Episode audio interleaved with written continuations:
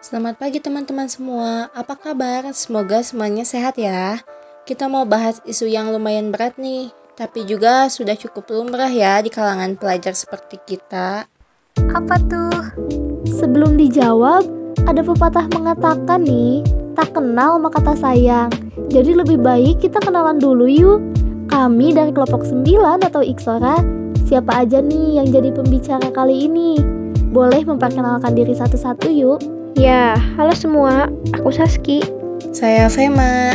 Saya Mita. Saya Pajria. Dan saya Helsa. Nah, ada yang penasaran gak nih sama topik kali ini? Pasti penasaran banget dong ya. Baik, di podcast kali ini kami mau berbicara tentang pembulian. Sebelumnya, aku mau nanya nih, kira-kira kalian tahu nggak bullying itu apa? Bullying itu hmm, kayak mengganggu orang yang kita benci bukan sih? Bisa, tapi kira-kira ada yang tahu nggak penjelasan lengkapnya? Hmm, nggak ada nih. Baiklah, langsung aku jelasin aja ya. Bullying itu merupakan segala bentuk penindasan atau kekerasan yang dilakukan dengan sengaja oleh satu orang atau sekelompok orang yang lebih kuat atau berkuasa terhadap orang lain dengan tujuan untuk menyakiti dan dilakukan secara terus-menerus.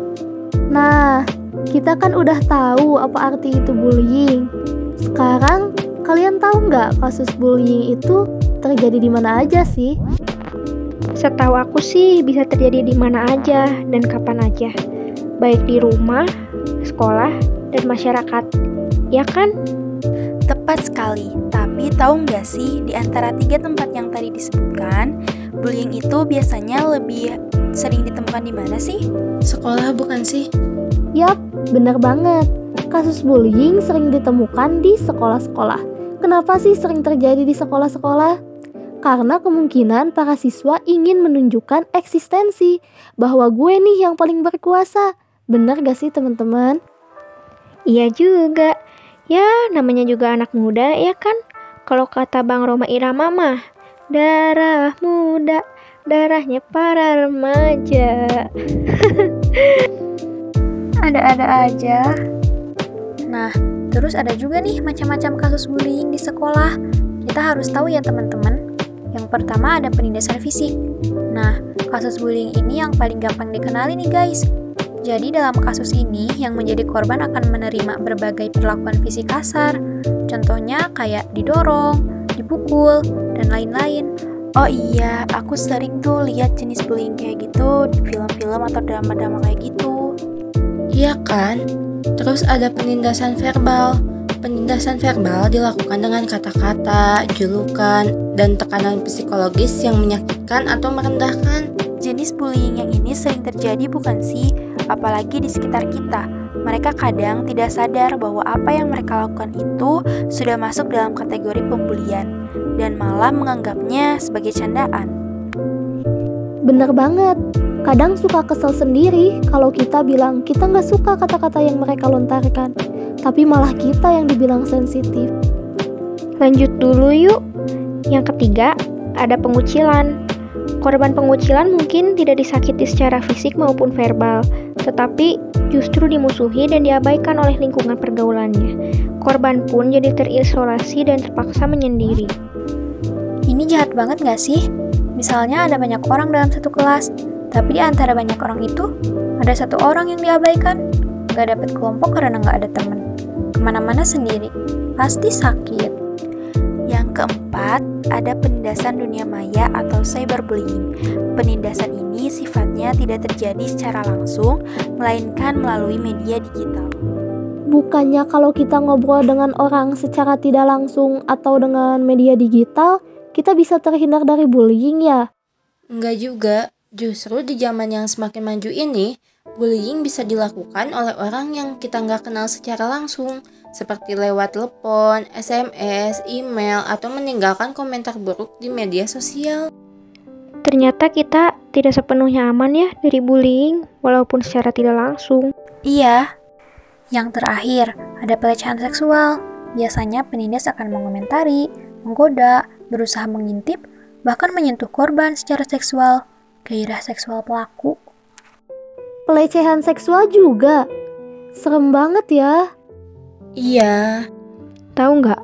Menurut KPAI, mereka menerima setidaknya 37.381 laporan bullying dari tahun 2011 sampai tahun 2019. Dan dari jumlah tersebut, sebanyak 2.473 kasus disinyalir terjadi di dunia pendidikan. Banyak banget. Iya kan? Itu baru yang ketahuan oleh KPAI. Coba yang belum ketahuan oleh KPAI. Pasti ada masih banyak lagi sih kejadian tentang bullying di luar sana. malah di tahun 2018, Indonesia berada di posisi kelima dari 78 negara dengan murid yang mengalami perundungan paling banyak. Terus, bagaimana caranya agar kita bisa mengurangi kasus bullying di Indonesia, terutama di sekolah? Untuk terhindar dari bullying, kita bisa mencoba untuk banyak-banyak bersosialisasi dengan orang-orang, lalu punya rasa percaya diri yang tinggi, dan menunjukkan prestasi yang kita punya. Iya, kalaupun masih ada orang yang membuli kita, kita harus lawan mereka. Jangan tunjukkan kalau kita sedih dan lemah di hadapan mereka. Itu akan membuat mereka semakin ingin membuli kita. Kalau sudah parah, laporkan bullying yang kamu alami ke pihak yang bisa menyelamatkan kamu. Untuk terhindar dari menjadi pembuli itu sendiri, biasanya pembuli itu membuli orang karena nggak suka sama orang itu. Jadi menurut aku sih ya, kita harus menghindar dari rasa iri atau dengki terhadap seseorang agar kita itu tidak menjadi seorang pembuli. Oke semuanya, jadi kita bisa tahu ya bahwa bullying di Indonesia, terutama di sekolah ini masih saja terus terjadi. Kadang tanpa kita sadari, kita telah menjadi pelaku ataupun korban bullying itu sendiri. Iya, betul. Jadi, terus perhatikan lingkungan sekitar kalian ya, agar kita bisa terhindar dari permasalahan bullying ini. Ternyata banyak banget ya pelajaran yang bisa kita ambil, baik dari informasi yang tersedia di dunia digital, lingkungan sekitar, bahkan mungkin pengalaman kita sendiri. Say no to bullying, terutama bagi generasi Indonesia, karena ini tentu saja mempengaruhi mental dan perkembangan anak di masa mendatang. Gimana nih kebersamaan kita sejauh ini? Sudah cukup? Hmm, saya rasa sih sudah cukup ya. Sampai jumpa lagi di podcast selanjutnya. Bye bye. Bye bye.